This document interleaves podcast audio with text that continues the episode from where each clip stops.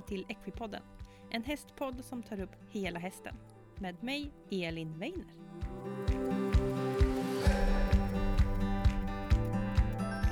Äntligen onsdag och dags för ett nytt avsnitt av Equipodden. Jag är så otroligt glad att eh, du kommer tillbaka och lyssnar på podden. Det är en eh, otrolig möjlighet för mig att få hålla på med det här och det gör mig så himla glad att podden växer från vecka till vecka. I det här avsnittet så får vi möta en ung talang. Det är en hoppryttare och det är ingen mindre än Mikaela Gustafsson.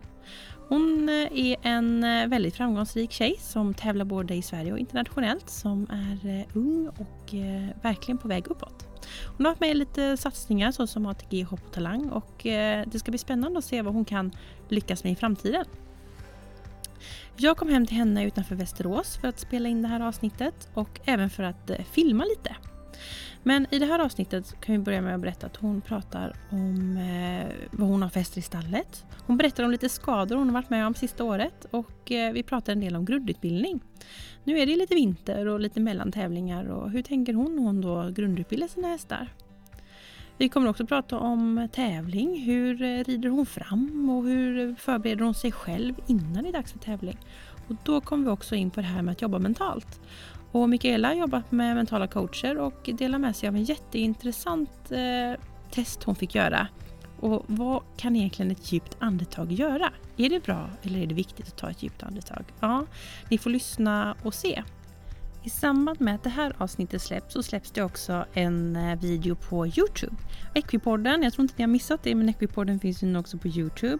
Och eh, i den här videon som släpps nu idag visar Mikaela en fantastiskt spännande grundövning när det kommer till galopp.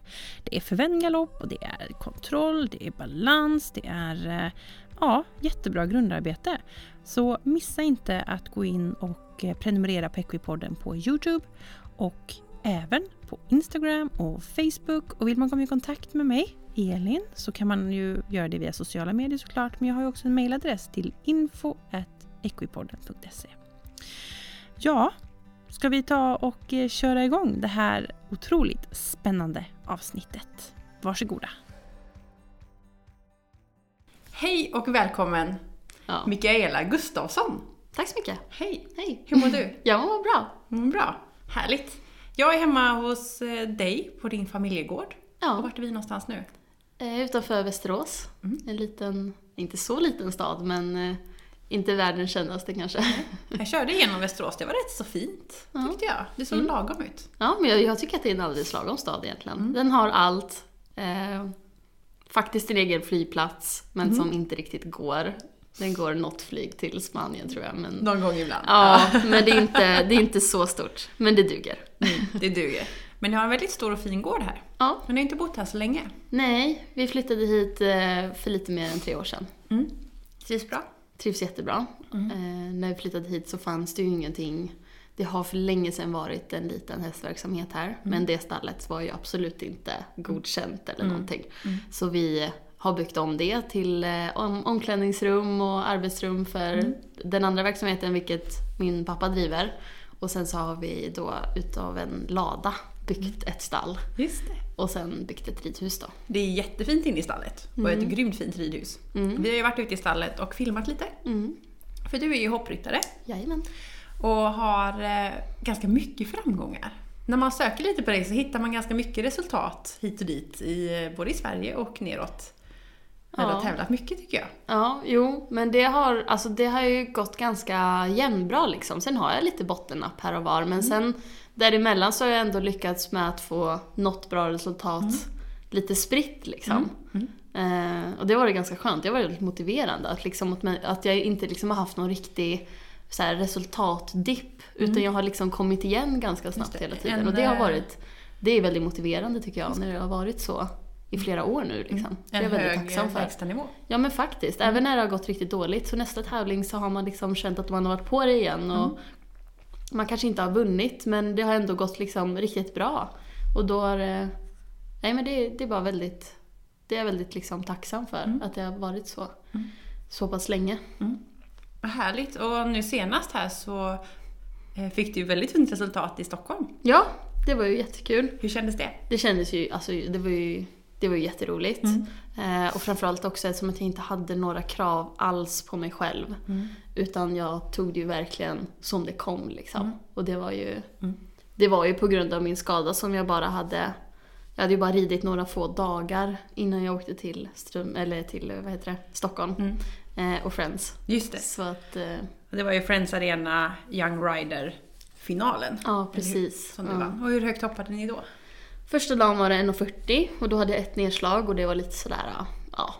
Jag tog det inte så allvarligt liksom. Och sen dag två då i finalen så var det 1,45. Det gick väldigt bra. Det gick bra. Det gick väldigt bra. Lite tur men det ska man ha när man vinner. Ja, men precis. Eh, och eh, du har ju lite hästar i stallet. Vill du berätta lite vad du har för hästar och vad dina mål är med dem? Jag har ju faktiskt totalt 10 hästar nu som eh, är, är liksom, stycken. det är ju inte mina, men som är i, i min verksamhet liksom. Och det är ju väldigt spritt. Det är två föl Mm. som eh, bara går på lösdrift och kommer göra framöver. En ska säljas och den andra tänkte jag behålla tills han är tre ungefär för att se lite vad han verkar gå för. Mm. Eh, sen har jag en treåring som är efter en av mina bästa hästar, cum laude. Och eh, planen med henne är att hon ska göra treårstester nu i vår och sen så småningom får vi se. Känns det jätte, jättebra så behåller jag henne liksom och har henne som min häst och börjar tävla på så småningom. Och, eh, annars om jag liksom tycker att jag har för många hästar så är det absolut en häst som jag tror att jag också kan sälja. Liksom. Eh, sen är det ett avelsto som just nu går dräktigt. Eh, och sen är det då de här eh, sex hästarna som jag har inne i stallet. Och då är det två äldre hästar, vilket är cum laude och Inar som är mina bästa hästar. Inar var ju den som gick i Stockholm. Och sen så är det en till vallack, Karl, som jag har tävlat upp till 1,50 med. Eh, och planen med honom är att han har haft en liten eh, lägre period nu och inte kunnat varit igång så väl. Det är fel att säga att han har varit skadad, men eh, han har inte varit helt bra och det har liksom inte blivit perfekt än. Utan det har liksom kommit tillbaka lite det där hela tiden. Så vi har valt att ta det jättelugnt med honom. För att liksom han ska klara sig från det och inte bli riktigt skadad såklart. Just det. Eh, men planen med honom är att han så småningom ska säljas och då helst till någon eh, yngre som kan ja, men tävla på honom och kanske satsa på lite children-mästerskap och så småningom junior. För det tror jag att han skulle passa jättebra som. Och sen så är det tre ston. Och då är det ett... Eh, är hon? hon kommer tävla som sex i år för att hon är sju år men har haft föl. Haftföl. Eh, och det är en jättespännande häst och hon är faktiskt också till salu för tillfället för jag håller på att försöka avveckla lite. Eh, men det är en väldigt häftig häst, eh, Caberson Courland. Hon är väldigt liten men extremt liksom spektakulär. Eh, och ganska liksom, ja men hon, hon syns verkligen. Och det är en jättehärlig häst att arbeta med. Eh, och sen så har jag ett nu åttaårigt sto som är eh, efter eh, Diarado Chaco Blue. En, en jättefantastisk häst. Men, eh, och jag tror hon har jättestor potential att komma väldigt långt i sporten. Men hon drar alltid på sig, det är inte, inte riktiga skador, men hon har lyckats med precis allt. Hon har, det, är liksom, det har varit sårskador, hon har blivit huggormsbiten. Nej. Jo, jo, jo. Ja, Hon har satt en, en brodd i ett knä och klyvt en sena. Va? En sena som man egentligen inte... Sin egen brodd? Ja, ja, en, en isbrodd men ute i hagen, gud. precis som alla andra hästar. Med isbrodd en vinter för att det var ju snorhalt. Ja, ja. Och hon lyckades bara sätta den i sitt egna knä liksom och lyckades klyva en sena. Nej. Men Och det var ju inte en... gud Det var en spännande. sån, eh, vad heter det, sträckarsena tror jag de kallar det. Mm. Och den har de ju liksom ingen, den har ju ingen riktig funktion direkt. Mm, Så att de sa att det här är absolut ingen fara, det är, liksom, det är ingenting att bry sig om. Men hon vart ju liksom svullen och det var ju ett sår och allt sånt där, det tar ju så mycket tid liksom. Ja, ja. Så hon, och hon har verkligen, jag, alltså jag kan bara komma på 5% just nu av Mm. allt som den där hästen har lyckats med. Hon har verkligen lyckats med precis allt. Ja. Eh, så hon, det går långsamt, det går framåt men det går långsamt framåt. och sista hästen är en eh, femårigt födelsedag, eller sexårigt födelsedag så hon ska gå som femåring i år. Men hon ligger lite efter på grund av en ink som hon fick eh, när hon var 3-4 och skulle liksom igång. Så hon kunde inte komma igång förrän ja, början på förra året. Så hon är snarare som en fyraåring. Eh, så hon ligger lite efter. Men hon ska faktiskt också säljas. Mm. Men vad är dina mål med dina två topphästar då? Med bästa hästen Inar så är största målet att han ska, men att jag ska börja tävla lite mer internationellt. Jag tävlar väldigt mycket internationellt redan men det måste bli ändå mer och jag måste få en högre nivå när jag väl är och tävlar internationellt. Eh, och eh, för att så småningom liksom kunna klättra lite i rankingen. Eh, och det, bara det kan ju liksom hjälpa mig till väldigt mycket. Att ha lite, lite mer poäng så att jag liksom syns och är med lite mera så kanske liksom andra dörrar öppnas lite mera. Ehm, så det är väl det största målet med honom. Eh, och Kum tror jag att jag kommer behålla så länge han är så pass fräsch som han är och ung i kroppen liksom. För att kunna tävla upp till typ 1,45. Han har ju gått större, men han är 15 nu. Och jag känner att 1,40-1,45 är hans absolut bästa höjd. Så han får gärna gå där och ja, men samla prispengar och hoppa kvalklasser till Grand Prix så jag Just sen det. kan ha Inar i Grand Prix och sådär. Ja, just det. Få ha honom lite så snäppet under. Men det är där han kommer förmodligen prestera Just det. bäst liksom. Hans bästa plats. Exakt. Kul! Så, vad, så dina mål är att bli lite mer internationell och komma upp lite i klasserna? Ja, så det är därför jag också försöker sälja lite hästar för att det är väldigt svårt att tävla internationellt när, när man har så många unghästar hemma och sådär som måste hållas igång och Mm. det är svårt att få ihop folk som ska hjälpa till och det är också dyrt liksom Ja, om man ja. skickar iväg dem och så. Så det är ganska, det är väl det, jag, jag måste försöka avveckla lite utav de som jag har hemma eh, så att jag åtminstone lättare kan komma iväg utomlands och tävla. Och kanske under en lite längre period liksom. Mm, mm. Så det inte blir ett jätteprojekt varje Nej gång. precis, för det är så, så var det lite förra året att det var liksom ganska komplicerat hela tiden. Mm. Eh, Men nu var det också så att förra året så var jag sista års Young Rider och Mm. tävlade lite Nations Cup-hoppningar och Europamästerskap och då är det ju bara en häst som får åka oftast. Just det. Och då blir det ju också ändå fler hemma. För nu har jag Mm. ju liksom, nu har jag haft fyra, tre till fyra tävlingshästar och sen har resten varit lite yngre förmågor liksom. Mm. Eh, och när det då har bara varit en av de här tävlingshästarna som får följa med så blir det ju väldigt många hemma. Mm. Och då blir det glapp för dem såklart. Exakt. Så nu blir det ju istället att jag åker till Arezzo om några veckor Mm. och tävlar tre veckor. Mm. Och då får ju liksom alla följa med Alla nästan. med. Ja. Så då, Kul. Då blir det bara en liten lösdrift hemma liksom. Ja. Och det är ju lätt att typ min storebror som, Ja. som sköter den redan idag fortsätter göra det för nu har han full koll på det. Ja, just det. Intränad. Ja men precis. Kul! Du har ju tävlat mycket. Vad är din... eh, Alltså vilken tävling eller prestation är du mest nöjd med? Där, den där frågan får man ju ganska ofta Ja, jag ändå. vet. Jag tänkte den och den är fruktansvärt svår. Eh, det finns ju så mycket, alltså allting har ju gynnat på väldigt olika sätt Mm. liksom. Men där jag känner att jag har presterat allra bäst och där jag liksom har varit som i bäst form är egentligen eh, SM i somras. Mm. Där jag med Inar var sjua på Mm. senior-SM och jag var tvåa med Kum på Young Rider-SM. Mm. Och jag kände att hela den helgen så höll jag en väldigt hög nivå på min Verkligen. ridning och, Mm. och det var väldigt så här, men det kändes som att jag verkligen, jag nailade inte tävlingen, uppenbarligen inte. Mm. Eh, men det var ändå så här, jag kände att jag var väldigt nöjd över hela prestationen den helgen och det är en väldigt skön känsla. Mm. Många gånger annars så kanske man börjar en helg lite halvknackigt och sen så vinner man sista. Mm. Och det kan ju vara jättestort, men det är väldigt skönt att veta att hela den här helgen har jag verkligen presterat. Just det, det Och bra. då, på det sättet, om jag tänker så, då värderar jag nog SM i somras Mm. högst liksom. Kul! Bra tänk att se helheten, det tror jag är jätteviktigt faktiskt. Ja, annars om man bara räknar liksom en specifik klass så, så är det ju såklart att jag vann ju en 50 i somras med In- Inar och, Mm. och sådär. Och då är, men det är inte riktigt samma sak. Mm. För då är det, liksom, det är inte riktigt jämförbart. För på ett SM det är liksom tre klasser och Mm. det är en total av det. Och, och det är liksom alla de bästa som är hemma i Sverige för tillfället är ju där liksom. Det. Eh, och när jag redan här den 50 och vann på Sundbyholm liksom, så är vi, jag tror vi var kanske inte mer än 20 startande max. Mm. Och det var två eller tre felfria, så bara av att man var felfri så var man redan liksom högt placerad. Ja. Liksom. Eh, och sen var inte en slump såklart, jag har ju tränat på att vara snabb och sådär men det var ju inte så här, det krävdes ju inte liksom full sken. Mm. Utan det, så det, jag kan inte säga att jag värderar det lika högt. Utan det, det är mycket skönare känsla, eller mycket skönare känsla när man vet att man liksom har presterat bra en hel helg. Mm. Och det liksom har visat sig i en sjunde placering som kanske låter lite sådär, ja men sjua liksom. Mm. Mm. Men eh, det är ändå det- svårt ja. efter tre dagar liksom. Det är stort, det var min första 1,55-klass också liksom, inte ridit det Mm. Förut. Så att det, det värderar jag nog högst liksom. erfarenheten är ju väldigt viktig. Ja men exakt. Och det... Jag älskar att tävla på Sundbyholm också för att det, det går alltid bra på Sundbyholm när jag är där känns det som. Men det är alltid så, alltid på Sundbyholm så har jag någon klass som alltid går riktigt bra liksom. Kul. Och då var det skönt med just SM som var där, att Ja. det känns som att det gick bra Ja, det. så gott som hela helgen. Har man en liksom. liten boost innan så Ja, det är skönt. ja, men jag älskar att åka och tävla på Sundbyholm. Mm. Ju, mer, ju mer jag åker dit och tävlar, ju mer det går bättre och Ja. då vill man bara tillbaka dit Ja. liksom. Man känner sig så verkligen hemma. Så är det verkligen. verkligen.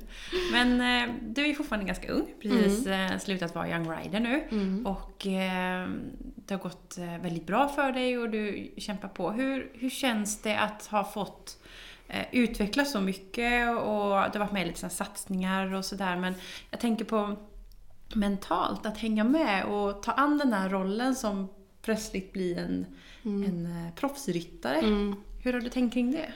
Eh, alltså man har väl liksom, man, man har ju tvingats mer eller mindre att bli så och, och ta den där rollen som du pratar om. Men eh, det är faktiskt väldigt svårt.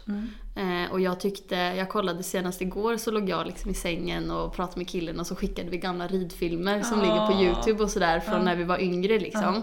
Och då kom, kom jag in på massa klipp från när jag var liksom, men 16-17 år, red mina första 1,40-klasser liksom. Och jag kände bara, alltså sjukt vilken stor Vilken skillnad det är liksom. Ehm, och visst, nu är ju det liksom, ja men, eh, vad är det, 5-6 år sedan.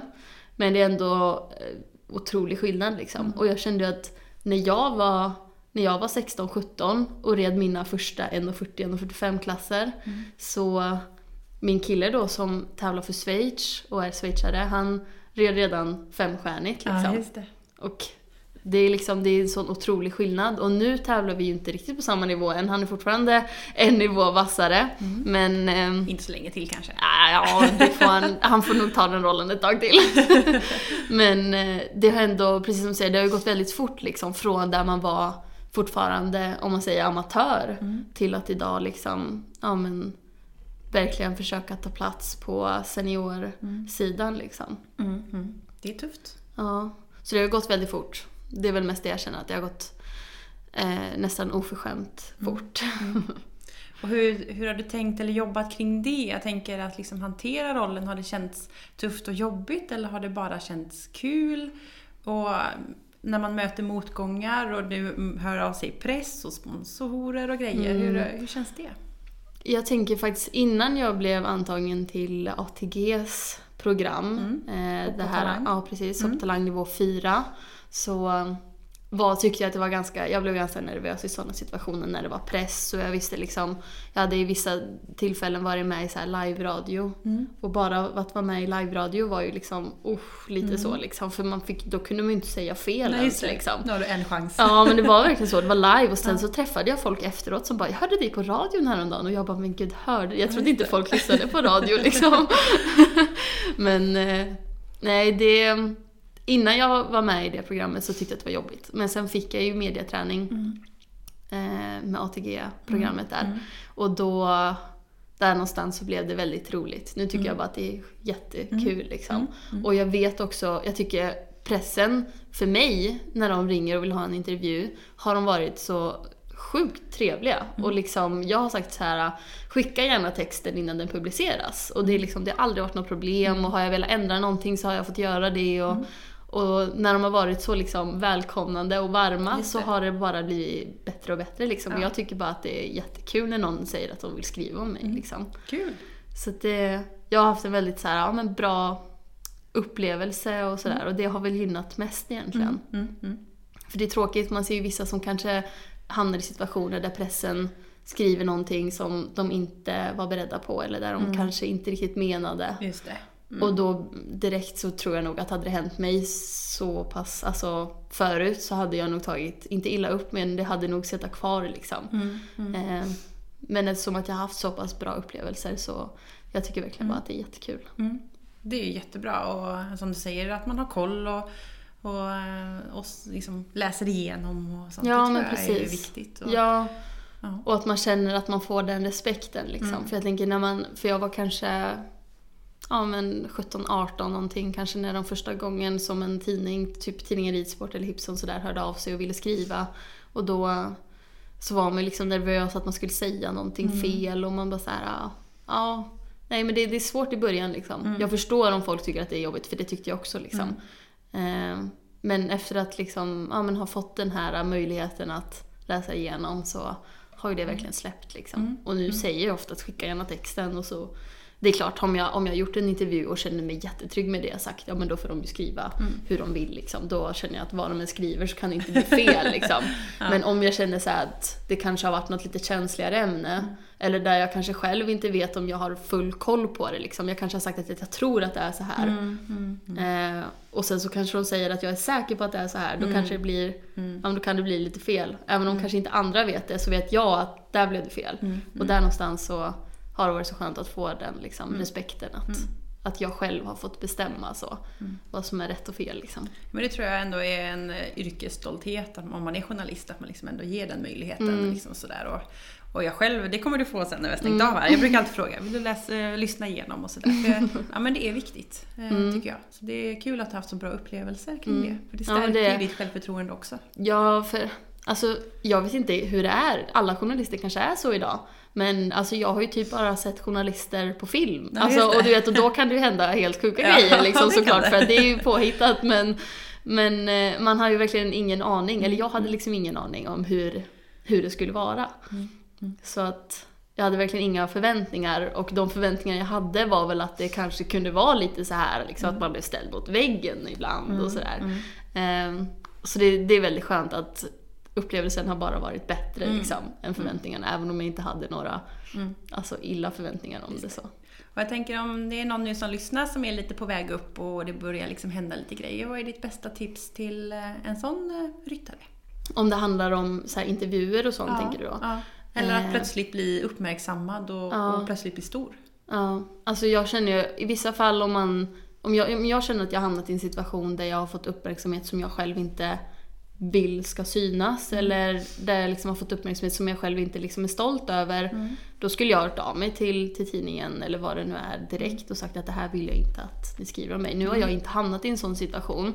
Men jag tror att om man råkar göra det så måste man nog bara stå på sig. Just det. Ehm, och sen alltid liksom om du är in, i en intervju och känner att jag vill gärna lyssna igenom, ställ bara frågan och be om att få, få lyssna igenom. Ehm, för det har jag upplevt att det liksom aldrig har varit något problem där liksom.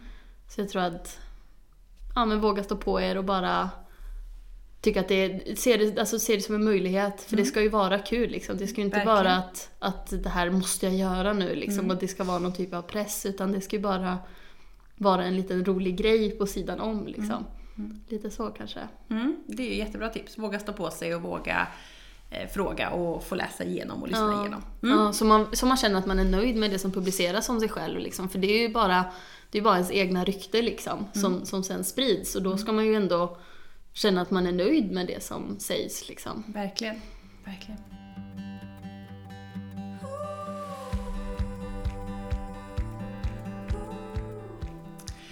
Då tänkte jag byta lite, nu går vi tillbaka lite till hästarna. Och eh, vi har ju spelat in lite filmer för eh, Youtube. Och då var det Krum, Kum? Kum, Kum menar jag, som fick visa upp sig lite. Och han gjorde några kumsprång. Ja, den är lite busig av Han sig. är lite busig. Och du har varit med om eh, en del skador. Ja, Som vi har pratat om Ja. innan vi spelade in här. Du har ju skadat ryggen Mm. och foten. Jag tror på Ja. stöveln så la du en liten extra bomullskudde kring Ja. din ena fot. ja. Och du berättade att du har sytt i huvudet. du har varit med om väldigt mycket. ja. Det här året har ju varit Mm. ganska skadefyllt. Mm. Eh, och vi har ju haft liksom, jag har ju suttit på bänken i över en fjärdedel av året Mm. liksom. Mer än tre månader. Mm. Eh, så det är klart att en fjärdedel av ett år är ganska mycket liksom. Ja, det är det. Eh, och det som jag ändå känner att jag är sjukt stolt över att jag på ranking och sånt har verkligen kunnat legat med ändå. Mm.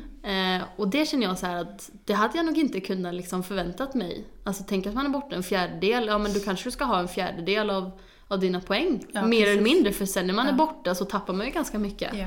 Eh, nu var jag borta fem veckor för foten. Mm. Men jag kunde ändå komma tillbaka till Stockholm bara några dagar efter jag fick börja rida och kunde ändå prestera och ta nya poäng liksom. Häftigt. Så att, men däremot så är det absolut ingenting som jag hade kunnat förvänta mig. Mm. Så.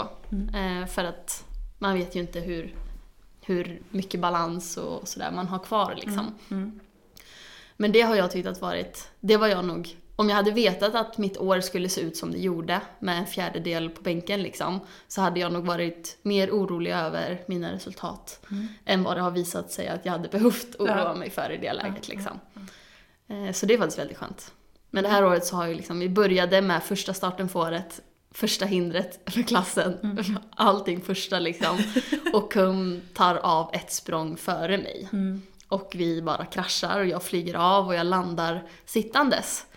Och det var inte så illa egentligen, det såg inte så farligt ut men jag gjorde liksom en liten volt framåt och sen så landade jag liksom ja, men på stjärten och sitter så. Ja. Och då eh, så komprimerade jag, det är inte kotkompression men jag fick två kotfrakturer för att jag liksom knäckte ihop ryggen ja, så.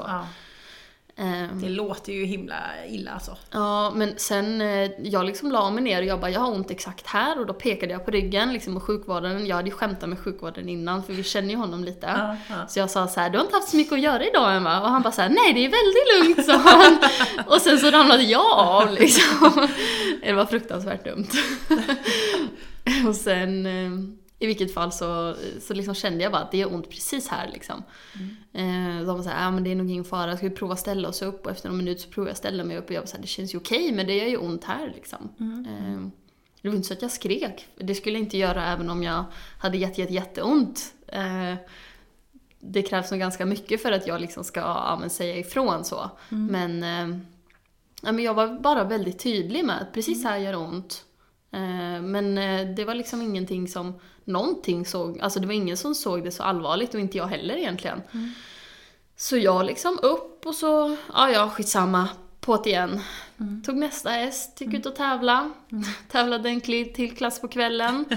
Dagen efter åkte jag och tävla Inar i en klass. Och sen på kvällen och sen på söndagsmorgonen, det här var alltså på fredag morgon. Så tävlade jag två klasser till på fredagen, en klass på, på lördagen. Och sen när jag vaknade på söndag morgon så kunde jag knappt ta mig upp i sängen och jag hade så ont. Och allting jag gjorde, jag bara höll andan liksom. För att så fort jag rörde mig så gjorde det jätteont. Och jag var såhär, det här, det här är inte normalt.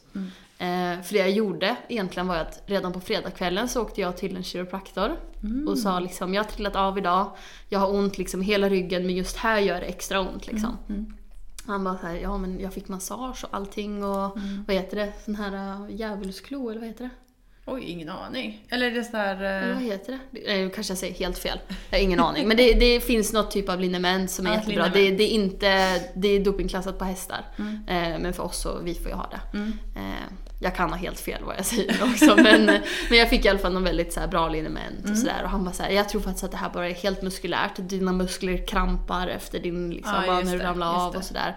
För jag var ju helt, alla mina muskler var ju, de just krampade ju liksom. Men det var ju inte för att jag ramlade av, det var ju, var ju för att det gjorde ont i ryggen. Ja. Men vi trodde ju liksom att det var på grund av fallet då såklart. Ja, För, för, för det första så trodde jag att jag landade liksom liggande. Ah. Eh, och sen när jag kollar på filmen så ser jag att jag landar sittande och sen Ja, lägger mig ner. Och sen lägger sig ja. Mm. Eh, så jag trodde att jag landade liksom platt på ryggen och då kändes det ju inte alls konstigt att alla muskler i ryggen krampade. Nej. Eh, så vi bara såhär, ja men då är det ingen fara. För jag var såhär, jag kan tävla vidare om jag har jätteont, bara jag vet att jag inte gör någonting som är farligt Just liksom. det, Så vi trodde att det inte var någon fara mer än att mina muskler krampade liksom. Men sen insåg jag ju på söndagen att det här var ju inte normalt. Så då åkte vi upp till sjukhuset och de tog mig ju inte heller på allvar. Eh, Så jag fick åka till jourmottagningen och så de bara såhär, ja men vi skickar dig på en röntgen bara för att då liksom. Bara så vi vet att det inte är någon fara liksom. Jag bara okej, ja tack liksom. Så åkte jag ner på röntgen och sen kom jag tillbaka och de sa ja det här ska nog någon annan titta på. För han var ju bara så Ja, allmänläkare. just så han bara, du måste nog till en ortopedläkare för det här ser inte bra ut. Så jag hade ju två, två kotor som jag hade ja, fått en fraktur i då. Men har det läkt bra nu tycker du? Ryggen har jag inga som helst bekymmer med. Jag hade ont i fyra fem dagar. Och sen kände jag inte av det alls. Gud vilken lyx. Mm, jag var väldigt förskonad men dock så var jag tvungen att gå i sån här äh, ja, men ställning. I, äh, de ville väl typ 6-7 veckor och jag kanske gick fem och en halv veck- veckor eller någonting. Och sen började jag ta med den lite här och var. Eh, Jag behövde ju inte sova med det eller duscha med det eller sådär. Utan jag hade den ju bara när jag var uppe och gick. Stabilisera. Ja men precis, och liksom hjälpa till. Och, för den hjälpte att liksom trycka ihop bröstkorgen så man blev längre. Och då får ju de mera liksom Mer distans. Yes. Eh, Så den skulle liksom hjälpa till så liksom och hålla, ja, men hålla det på plats och ge det liksom tid att läka. Mm, mm. Och sen, eh, nej men så jag började rida efter det och eftersom jag inte hade ont så vill man ju gärna börja rida på en gång. Mm, mm, För det är ju det värsta när man liksom inte har ont av någonting. mm. Att man känner sig ju väldigt, väldigt frisk. Mm. Och man vill ju bara komma igång. Ja. Men så jag väntade kanske en fem, ja men sex veckor ungefär och sen började jag rida lite smått. För jag ville ju gärna kvala till Göteborg. Mm. Så då var jag ju tvungen att rida det där kvalet liksom. Så då red jag ju två kval och det första var väl kanske på gränsen till tidigt. Min läkare visste inte om att jag åkte och tävlade. Men jag hade tur, jag hade Joel som hjälpte till att rida fram minar så jag hoppade bara upp och hoppade två, några språng på framhoppningen och sen gick in på banan. Eh, och sen så red jag nästan ingenting och sen åkte vi ner till Borås och sen så tävlade jag en klass nere i Borås. Eh, och sen kvalade jag till Göteborg. Och när jag väl var i Göteborg så var jag ju liksom läkt från det här. Mm. Så då fick jag ju liksom Då fick du... Ja, då var det liksom grönt ljus. Ja. Och innan var det ju då lite gränsfall. Ja. Men du, till läkaren sa du att man bara anmälde sig kanske, man behövde inte kvala till Göteborg. Ja, jag sa nog ingenting. Att han, ja, han ringde mig när jag var i Högbo. Och så frågade han liksom, ja, men du håller vi inte på och rider och så nu? Jag bara, nej, nej, nej. nej. Och då hade jag klassen dagen efter. Liksom. ja, det är bra. Så, man ska lita på läkare, men ska läkare ska inte lita på mig. Det är bra att veta för framtiden läkare då, som råkar lyssna på det här.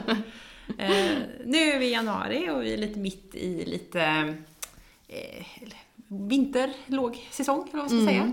Hur jobbar du med hästar, eller hur jobbar du med dina hästar nu när det är kanske inte så mycket tävlingar? Ja, jag hade ju faktiskt sista tävlingen eh, Lucia-helgen. Så att det var ju bara ja, två veckor innan jul ungefär. Mm. Så att det var ganska nyligen egentligen. Men eh, innan det så kunde ju inte jag rida så mycket än eh, på grund av foten. Så det är ju sen dess som, som jag kom hem då 17 december ungefär som jag har ridit. Inte riktigt helt som vanligt men jag har ändå kunnat jobba hästarna som jag har velat liksom. Mm. Ehm, och jag jobbar väldigt mycket Eh, alltså jag gör hellre flera pass kanske. På sommaren kanske jag gör ett långt pass. Mm. Eh, lite mer liksom kondition och ja, men sen får de gå en hage en stund och sådär och kanske gå lite band eller skrittmaskin eller någonting. Men de går oftast tre, tre saker gör de om dagen, sen kan det vara helt olika. Mm. Eh, och nu på vintern kanske de gör fyra gånger om dagen. Mm. Eh, då kan jag longera dem lite och så kan de gå band och så kan de gå i hagen och sen så gör jag ett ridpass men då kanske ridpasset är lite kortare. Mm. Eh, och jag jobbar mera liksom på styrkan och, och koordinationen hos hästen. Mm. Eh, och sen på sommarhalvåret så blir det lite mer flås liksom. Mm. Och det är också lättare när man kan rida utomhus. Eh, Just det. det är klart jag kan rida utomhus. Mm. Men det är inte optimalt liksom. Mm. Så då blir det att man håller sig lite mer inne. Och då blir det hellre, så på vintern så blir det lite mer fokus liksom styrka, eh, koordination och lite kortare men fler pass. Mm. Och sen på sommaren så blir det lite längre, pass, längre pass och lite mer flås. Mm. Mm. Och jag tänker liksom eh, grundträning. Hur lägger du upp en grundträning och hur tänker du på din grundträning? Vi pratade lite i ridhuset här med att du till exempel inte tycker om att gå på eh, fyrkantsspåret. Nej. Eh, och varför gör du inte det? Jag tycker att när man rider på fyllkampsspåret så blir det inte riktigt arbete liksom. Hästarna blir lite att de hänger på väggen och de liksom har inte fullt fokus på att liksom hålla balansen själva. Mm. Eh, och så fort man kommer innanför spåret så blir det oftast helt plötsligt lite vingligare. Mm. Och det kan vara någon bog eller någon bakdel som skjuter in eller ut här och var. Och, ja, på spåret så blir det att de bara blir lite låsta på väggen liksom. Mm. Eh, så då rider jag innanför och jobbar väldigt mycket med att de ska spåra. För att få hästen rakriktad och hitta balans med dig hos ryttaren, hur, hur sitter du och hur jobbar du uppifrån hästen?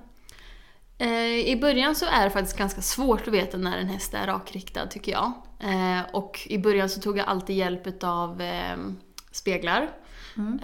Eh, och då hade jag ofta spegeln, inte på spåret, utan lite innanför såklart. Så att, Mm. för På stjärtlinjen typ eller så? Ja men precis, en bit innanför spåret så att jag ändå kan rida längs med långsidan och se mig själv. Men att det inte blir att man hänger där på spåret. Ja, liksom, för de har ju tappat lite vitsen av det känner jag. Mm. Ehm, så då tog jag hjälp av speglar för att liksom kunna snabbt titta upp och se.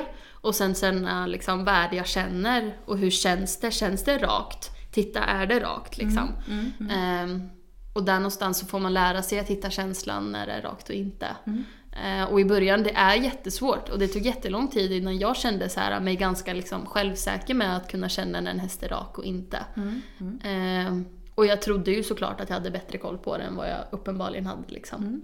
Det är ett jättebra tips att ta hjälp. Ja. sådana här saker är supersvåra. Ja, och sen eh, när jag liksom väl kände mig ganska trygg med att jag hade koll på var de satte benen och om de var raka, om de spårade och så vidare. Så då började jag kanske ibland att inte rida mot spegeln och bara rida, rida på känsla Just liksom. det, känns det? Mm. Och, och bara rida på känsla och sen när jag väl bara, nej men nu, nu sitter det verkligen. Långsida på långsida så bara sitter det. Mm. Och då kanske om man har någon där så bara, kan inte du bara ställa dig på kortsidan en sekund och kolla om jag är rak liksom. Mm. Och de kan de bara liksom säkerställa att jo men det är verkligen spikrak liksom. Mm. Ehm, så först så måste man nog på ett eller annat vis ta hjälp. Mm. Om man har någon lycklig själ som bara kan stå och titta ett helt ridpass om du är rak längs med långsidorna så är ju det tacksamt. Annars så är speglar jättebra. Mm. Eh, men sen får man liksom inte bli för bekväm och bara titta i speglarna. Precis. Utan man måste ju träna på sin egna känsla liksom. ja, Det är man det man vet. tränar upp. Ja men precis, för jag kände att jag blev lite värd så att jag bara satt och tittade i spegeln liksom. Mm. Kände såg jag, okej bakdelen lite innanför, ja men ut med bakdelen lite Mm. liksom.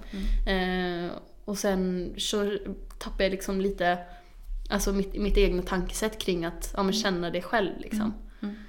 Så det, det, det tycker jag är väldigt viktigt att man även Även om man tar hjälp av speglar eller människor så får man inte bli för låst till det. Just utan det. man måste hela tiden tänka att det är ju min egna känsla jag ändå tränar Mm. i första hand. Det är ju du som Ja, det är ju liksom det det är fokus på. Sen är ju det andra bara en hjälp Just det. på vägen liksom. Hur viktig är grundutbildningen? Om man kallar det markarbete eller dressyrutbildning eller vad som helst. Hur viktig är den för hopphästen? Alltså det är ju jätteviktigt. Eh, och det är ju inte förrän man tävlar på hög nivå som man verkligen märker skillnaden. Eh, eller där man verkligen märker att det inte går. Jag som nu vet skillnaden känner ju skillnaden även när jag tävlar 1,20 och 30 liksom. Mm. eh, vilken häst jag än har, hur viktigt det är att den här hästen är bra utbildad och den här hästen behöver mer utbildning på marken. Liksom. Mm. Mm. Och sen kan det absolut vara så att vissa hästar är helt fantastiska att rida på marken men så fort du ställer dit ett hinder så blir de ju helt annorlunda. Ja. Eh, och till exempel Kum är ju lite sån. Mm. Han kan ju vara som en liten dröm liksom, oj, eh, när man rider på marken. Och sen så fort du ställer ut hinder så blir han lite vild liksom. Mm. Eh, och han smiter gärna i svängarna och liksom skär kurvor och går på tvären och allt sånt där liksom. Eh, så med honom så måste jag ju hoppa jätte, jätte, jätte ofta så att det här liksom hela tiden tonar ner, tonar ner, tonar ner det här liksom som han taggar till av, av någon anledning. Så att det blir lite vardag. så Ja, tänker. så jag hoppar ju liksom, jag skulle nog kanske kunna tänka mig hoppa 4-5 dagar i veckan med honom, men max 70-80 centimeter. Ja. Eh, bara för att liksom hela tiden liksom tona ner det här eh, övertaggade. Mm. Och om jag då liksom rider ja, snett igenom så gör det ingenting om det råkar stå ett hinder där liksom, som är ett litet, Tar man ett litet skutt. vägen. Ja men bara så att han ska ju hålla precis samma galopp mot ett hinder som, som om man håller det mot ett byte liksom. Mm. Mm. Eh, han kan ju inte bara dra bara för att det är ett hinder liksom. Nej, det funkar ju inte. Det är faktiskt viktigt. Men det är jättesvårt med honom för han är ju lite, han är lite extra speciell liksom. Ja. Men dina andra hästar då? De eh, är ju mycket enklare. ja, de har inte följt lika mycket skalle så liksom. nej. Eh, men Kum är jättespeciell. Eh, på gott och ont. Det är också därför han är så pass felfri och vinner så pass mycket som han gör liksom. Mm. Men det, är, det krävs väldigt mycket av ryttaren liksom. Mm. Att man kan hålla lugnet även när han taggar till liksom. Så måste man bara så här lugn, lugn. Och när han blir helt knäpp och flyger upp i luften mitt i banan liksom så får man inte liksom, man kan inte bli arg. För då har man en fight liksom. Då blir man arg på Kum, då blir han så förbannad på en själv så att det är helt hopplöst. Alltså det är bara att ge upp. Ja. Eh, Så man får säga oj vad kul att du förstörde allting nu Kum, nu ska jag komma igen liksom. Men man måste verkligen tvinga sig att bara hålla det här, mm, bita ihop och komma igen liksom. Mm. Och då får man bara tänka på allt annat gott som han har tillfört liksom. Mm. Men med övriga hästar så är det verkligen så att nej, det, det ska bara sitta liksom. Mm. Och de flesta behöver ju kanske inte hoppa lika mycket som, som kum liksom. Mm. Eh, utan de kan man hoppa någon, någon gång i veckan. Mm. Eh, och de är ju sådana som inte liksom drar mot hindren eller sådär. Och de flesta av dem har ju liksom utbildat själv. Mm. Så de har ju blivit ganska lugna liksom. Eh, även om den här är lite yngre, den här sjuåring, den här uh, Fölstot som nu går som sexåring år katten Ja. som vi kallar henne. Ja. Hon är liksom en liten häst med mycket liksom, ja men mycket go liksom. Mm, Men eh, hon ska ändå liksom, hon får inte dra emot ett hinder liksom, det är ju farligt. Ja, det, det är du för alla. Det är verkligen, jag är verkligen allergisk mot hästar som bara så här drar in hinder. Det är ju skillnad om de verkligen suger tag i hindret, det är en annan sak. Det är, liksom, det är bara bekräftelse på att de vet att vart de ska, liksom, lite så. Men såna här hästar som bara drar, Mm. eh, det blir verkligen farligt. Och, och sån är ju kum eh, emellanåt. Och då, då jobb, hur jobbar du med det då? Alltså du sa att du hoppar lite eh, ofta. Ja. Har du något annat tänk om man har en häst nu då som drar och känner att jag tappar kontrollen när jag går mot ett hinder. Vad har du mer för tips för en sån ryttare? Eller ett Eh, sånt ekipage ska jag Alltså säga. om vi säger så här att om jag hade fått in en häst i träning som liksom drar in i hindren. Eh, så för det första så skulle jag nog gissa på att det kommer nog ifrån att en ryttare kanske har emot ett hinder lagt på för mycket ben liksom. Och att det har liksom blivit en ond cirkel av det. Eh, för jag har jättesvårt att tro att hästar liksom föds in i det här. Det är klart, vissa Mm, mm. är ju speciella liksom. Ja. Men generellt sett så är det ingen häst som föds till att dra in i hindren eller att sticka efter hindren. Utan det är någonting som de har lärt sig eller som de har fått göra och som det liksom har blivit ett system av. Och då måste man liksom bryta den vanan lite grann skulle jag säga. Så hade jag, hade jag då fått in en häst som, som är så, som drar emot hindren och typ rusar efter hindren. Så Alltså, jag hade nog börjat med att göra halt istället för att hoppa i hindret. Liksom. För någonstans, även om, även om det är ett hinder och jag vill att den ska hoppa, så måste den även kunna lyssna på att nu vill jag att du ska halt istället, även om det råkar stå ett hinder här. Liksom. Så det är ju bara lydnad liksom. Det är ju Lydnad. där någonstans det har fallerat, skulle jag gissa. Det är svårt att säga för alla hästar är olika liksom. Ja. Eh, men om det är så att man har hamnat i ett system där, liksom, där hästen verkligen bara tar för sig så måste man ju bryta det. Eh, och det finns ju hur många olika sätt som helst. Men eh, alltså, ta hjälp av en tränare skulle jag ändå säga är ja, en väldigt bra, viktigaste. bra råd. Liksom. Det är nog lätt att hamna lite när man väl börjar och sen så kan det bli mer och mer och mer och mer och så, som du säger, man sitter i någon cirkel liksom. Ja. Eller hästen gör, har gått i system, även om man inte ville det som ryttare så har liksom det blivit så. Eh, och att det är nog bra att ta hjälp då. Ja, ja men det är så. Och det är lätt att man liksom även som ryttare blir frustrerad i sådana situationer. Jag kunde känna det förut att, alltså för några år sedan man var yngre, att, att man kände att det inte funkar. Och då blir man frustrerad och besviken. Och istället då, men ta hjälp av någon. Och se till att det blir rätt liksom.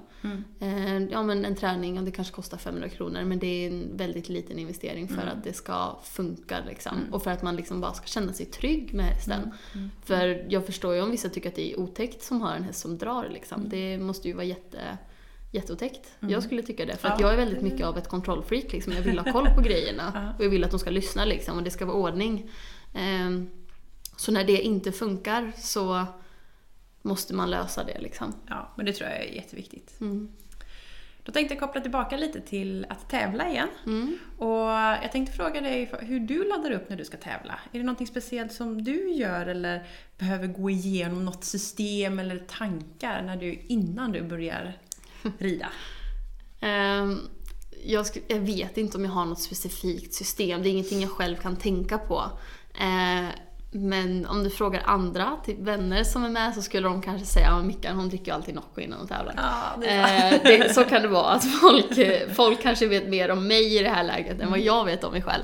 Men jag tycker om att, att liksom ladda upp med typ en Nocco eller med någonting som har koffein i. För att jag tycker, jag tycker att jag blir mycket mer liksom fokuserad av det. Eh, så jag måste vara jätteförsiktig eftersom att det är dopingklassat hästarna. Så Just man det. måste ju vara väldigt försiktig liksom, om man tar med sig sin Nocco typ till stallet. Ja, Eh, så man inte råkar ställa det vid någon box liksom, för det kan ju bli... dåligt. Ja, det, det blir inte bra. Dålig stämning. ja. Ja. Ehm, men eh, jag tror inte jag har något specifikt system, utan jag vill nog bara ta god tid på mig så att jag vet att allting är på plats liksom. Och har jag en klass efter lunch och jag kanske har trimmat lite på morgonen så vill jag att det ska vara ordning på det. Jag hänger gärna i ordning allting på morgonen så att jag vet att här är allting, alla bett är klart liksom. Jag kan göra lite så här brandman liksom. Ja, Eller så kallar man det liksom när Ja. man lägger i ordning allting för Allting att bara rätt dra på ordning sig. Ja men precis. Ja, Ja. exakt. eh, och sen kan jag ändå gå och göra ordning i väldigt god tid. Men då vet jag att om någonting händer nu så har jag den här tiden till godo liksom. Så att det, Det skulle jag säga. Liksom förbereda dig så det aldrig blir stressigt inför en klass. Mm. För det, stress är aldrig bra. Nej, då skiter sig allt. Ja, allting går fel om det är stress. Sen vissa säger så här, "Men jag, jag presterar bättre i stress. Mm. Eh, och man, jag känner bara så här, ja, eller? Eller? Eller har det bara blivit så liksom? Mm. Eller är det så att du har tränat så mycket på att det har varit så mycket stressiga situationer Mm. så att du har liksom lyckats hitta, när det inte är, alltså när det fortfarande är stressigt så kanske det fortfarande är mycket lugnare än vad det var förra gången. Ja, och då har man liksom bara, "Ah, det är inte alls lika stressigt som sist. så har man typ hittat ett lugn i det. Så Ja. kan det också vara liksom. Ja. För jag tror, jag tror helt ärligt inte att det finns någon som presterar bättre i stress.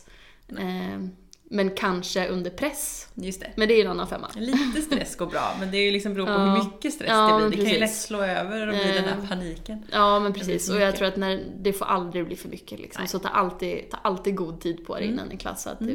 det, liksom, så att allting är liksom på, på sin plats. Mm. Och sen när du då hoppar upp och det är dags för framridning, hur tänker du när du rider fram? Tänker du samma för alla hästar eller tänker du olika? eh, det är väldigt olika. Eh, och det är ju svårt att säga vad som passar utan det är ju bara vad man själv har haft för erfarenhet liksom, med den hästen. Eftersom att Mm, mm. alla är ju olika liksom.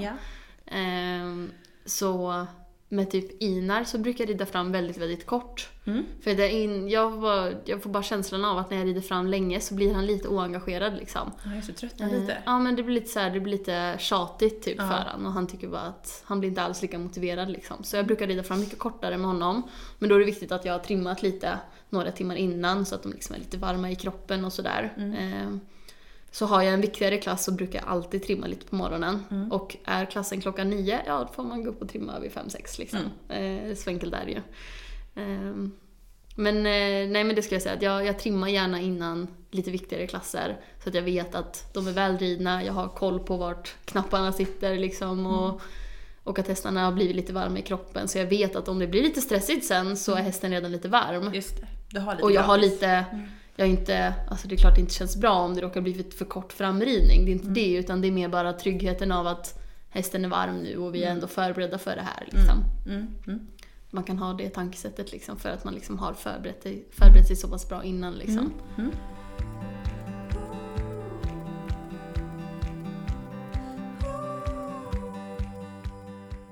I den här vårterminen så har vi i Equipodden lite tema med att jobba mentalt. Har du, jobbar du någonting mentalt eller har du arbetat något mentalt? Jag har eh, jobbat mentalt med Andy Svärd, vilket jag liksom tagit tag i själv för ett par år sedan. Mm. Och sen så har jag tillsammans med ATG Optalang nivå 4 fått hjälp av Johan Plate. Mm. Det Eh, är mentala coach. Det är en mental coach. Mm. Eh, och de jobbar faktiskt väldigt olika. Men eh, det är ändå väldigt givande. Mm. Och även om det inte är riktat till en själv, vilket inte var på de här träffarna med ATG, utan då är vi ju sex personer liksom, som tar del av det där. Då är det lite mer föreläsning liksom. Eh, så är det så sjukt intressant. Mm. Eh, och det väcker mycket tankar liksom. Mm. Ehm, men med Andy har jag jobbat själv liksom. Mm. Och det har ju varit fokus på mig. Mm. Och det har varit jätte, jätteintressant. Mm. Och jag fick ju göra lite så här stresstest typ. Ja, Där han, man, skulle, man fick ett papper liksom med siffror 0 till 100. Ja. Och du skulle ringa in dem i ordning. Börja Ja. med 0 och 1 och 2 och så Ja, de hittar stod de helt i Ja ordning, precis, så. det är ju helt Ja. eh, slumpat liksom. Eh, och under tiden då så satte han på liksom en så stressig musik Ja. liksom. Och sen så satt han så och liksom slog med pennor i glas och liksom så här. Jobbigt. Han hade typ ringsignaler kunde han sätta på liksom och sådär. För att ja, men störa liksom. Ehm, och jag tror jag kunde hitta 12-13 siffror Mm. på, jag kommer inte ihåg hur lång tid vi fick. Mm. Ehm, jag kunde komma upp till 12-13 någonting. Och sen så fick vi liksom fokus på hur vi skulle tänka. Om vi blev lite stressade så skulle vi alltid ta ett djupt andetag. Och sen kunde han alltid säga så här: nu tar du ett djupt andetag. Om han själv tyckte att, det, att jag satt fast liksom. Ja. Ja. Eh, och eh, så stängde han av musiken då, tror jag. Jag kommer faktiskt inte ihåg, han kan ha haft musiken på igen. Men att vi bara liksom fick ur tankesättet lära oss att liksom hantera det. Just det. Och eh, sen tog han även tempen på fingrarna. Eh, för att när du blir stressad så dras blodet in till kroppen. Ja. För att det han säger så här att när du blir jagad av en björn Mm. eh, och du är stressad Mm. så, och du springer barfota i en skog, då får du inte känna om du trampar på en kvist eller Precis, en sten. Precis. Så då dras blodet upp för att du ska liksom tappa känsel i fingrar och händer liksom, Mm. och bara liksom, det ska bara vara vid hjärtat så. Mm. Och eh, då hade jag typ 17-18 grader i fingertopparna. Så jag var iskall. Det är kallt ja. Och sen så bara fick vi liksom, ja, lite råd och det var kanske bara en kvart efteråt kanske så gjorde vi om det här. Jag kom upp till typ 35 eller någonting. Jag kunde hitta 35 siffror. Och eh, jag hade typ 25 grader eller någonting i fingertopparna. skillnad. Och det Wow. var, ja, men det var sån skillnad. Jag var såhär, men gud. Och det enda jag gjorde var att andades annorlunda. Och såklart, jag tänkte ju liksom, oj jag fick en andra chans typ. Och det här måste ju bli bättre. Jag, hade ju liksom, jag förstod ju att det skulle gå bättre. Så bara det hjälper ju liksom, alltså att Ja. man blir lite tryggare liksom. Eh, men eh, nej, det var så stor skillnad alltså. Och det, man hade inte, jag har ju aldrig känt mig så här att jag är lättpåverkad eller så. Eh, men alla som inte har fått vetskapen om hur viktigt det är, är nog lättare påverkade än andra. Ja, det tror jag med. Eh, för nu, visst jag kan ju bli påverkad, men jag vet att tar jag liksom ett djupt andetag så ökar graden i fingertopparna tre grader typ. Alltså, ja men liksom, Det det är är, så jätte- stor skillnad det är. Fast inte liksom, även om jag är medveten om det så måste man ändå göra det. Ja. Det hjälper inte att jag vet att Nej. ja, men det är bara att slappna av liksom. Mm, du måste göra jobbet. Man måste verkligen ta det där djupa andetaget, verkligen bara huh, så, andas ut. Och då, redan där så har det liksom vänt. Det Gud, är häftigt. jättehäftigt verkligen. Kul att de mätte i fingertopparna just att det blev en sån eh, fysisk eh, grej och mätbar grej och se. Mm. Ja. Annars stressnivåer, det kan ju vara svårt att... Ja, det är lätt att de dig, bara liksom. säger liksom, Ja. men det vart ju så tydligt Ja. för mig där liksom. Kul! Eh, vilken skillnad det var. Och hur gjorde ni då? Var det, andning på ett specifikt sätt? Nej, ett djupt andetag. Bara ett djupt andetag? Eh, och sen så sa han ju så här, det känns lite stressigt, ta ett djupt andetag. Mm. Eller så sa han så här, nu, ibland kommer jag kanske be er ta ett djupt andetag och då Mm. får ni liksom ta er tiden att liksom. Ja. Och sen så när man hade gjort det så. Man känner nästan hur man blir varmare av att liksom. Ta ett djupt andetag här, jag måste testa. Ja, men då känner man känner liksom att oj, man blev lite så här tyngre typ. Ja, just det. Annars Sjönk man lite så. spänner sig lite så här och sen så om man är lite stressad liksom, så blir det lätt att man spänner sig och, Mm. och sen så tar man bara ett djupt andetag så känner man liksom bara men gud vad, Mm. vad tung jag blev typ. Alltså det kan göra så stor skillnad. Så det är många som säger så här när du kommer in på banan, ta tre djupa andetag innan du börjar. Ja, Det har jag också hört tusen gånger ja, liksom. det. Eh, och sen så, jag har aldrig liksom, förrän jag träffade Andy och fick göra de här testerna så har jag inte förstått hur viktigt det är. Just det. Att det faktiskt är en fysisk Ja men skillnad att det verkligen kroppen. gör Ja. skillnad. För det, det, det är nog svårt att förstå om man Ja. liksom inte har det verkligen upplevt det. det så Ja. som jag har fått gjort. Gud vad häftigt. Då, då förstår man ju verkligen att bakom de här lite, ja men som du sa, man säger lite sl- slentriant, ja men ta tre djupa andetag. Men att man Ja. verkligen vet att det kommer någonstans Ja, ifrån. Och verkligen. att det ger effekt. Ja, och jag hade ju aldrig, alltså visst, det är klart jag förstår att det är bra. Mm. Även innan jag träffade Andy förstod jag att det är klart att det hjälper liksom. Mm. Men alltså inte i närheten av på den nivån sättet, som, som det uppenbarligen gjorde liksom. Häftigt. Ja, jätte, jättehäftigt. Rekommenderar du att eh, jobba med en mental coach? Absolut. Alltså, jag kände ju inte egentligen ett jättestort behov av det. Mm. Det enda jag kände var ju att om någonting gick snett så blev jag lätt stressad. Mm. Alltså om jag gjorde ordning hästen och sen så kunde jag inte hitta den där handduken som jag ska bara torka av mina stövlar med. Ja, just det. Då gick nivån upp. Ja, då var det helt plötsligt liksom så här. äh, Fasen, det ska ju liksom sitta liksom. Jag har ju planerat det här hela dagen. Hur kan jag missa liksom? Mm, mm. Men nu är det så här, äh, whatever. Den där handduken spelar liksom ingen roll. Ja, det. Eh, och det handlar ju inte, om- det handlar inte om att jag har ändrats.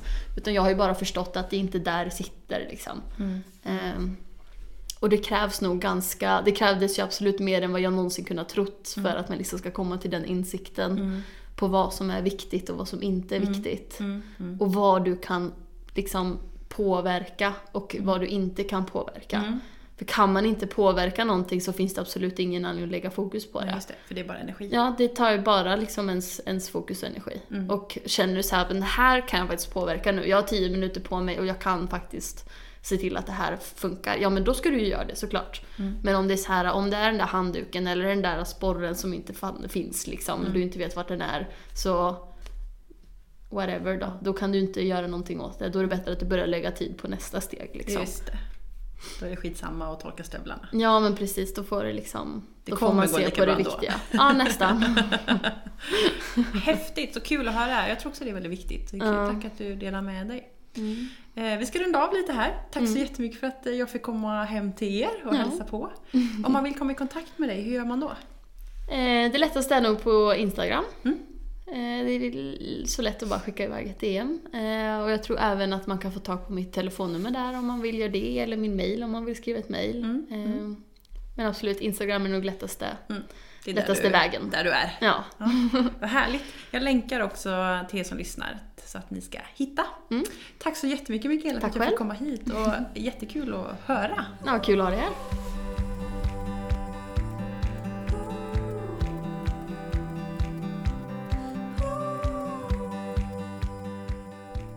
Ja, jag säger bara wow, wow, wow. Stort tack Mikaela. Jag blir så himla fascinerad när jag får träffa sådana här otroligt inspirerande människor och sådana otroligt duktiga ryttare. Med deras mjukhet och deras ärlighet mot hästen och ja, det är så himla härligt. Jag hoppas ni blev inspirerade av det här avsnittet för det blev verkligen jag.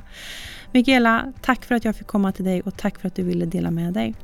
Ni som lyssnar, glöm inte nu då följa Equipodden på Instagram, på Facebook.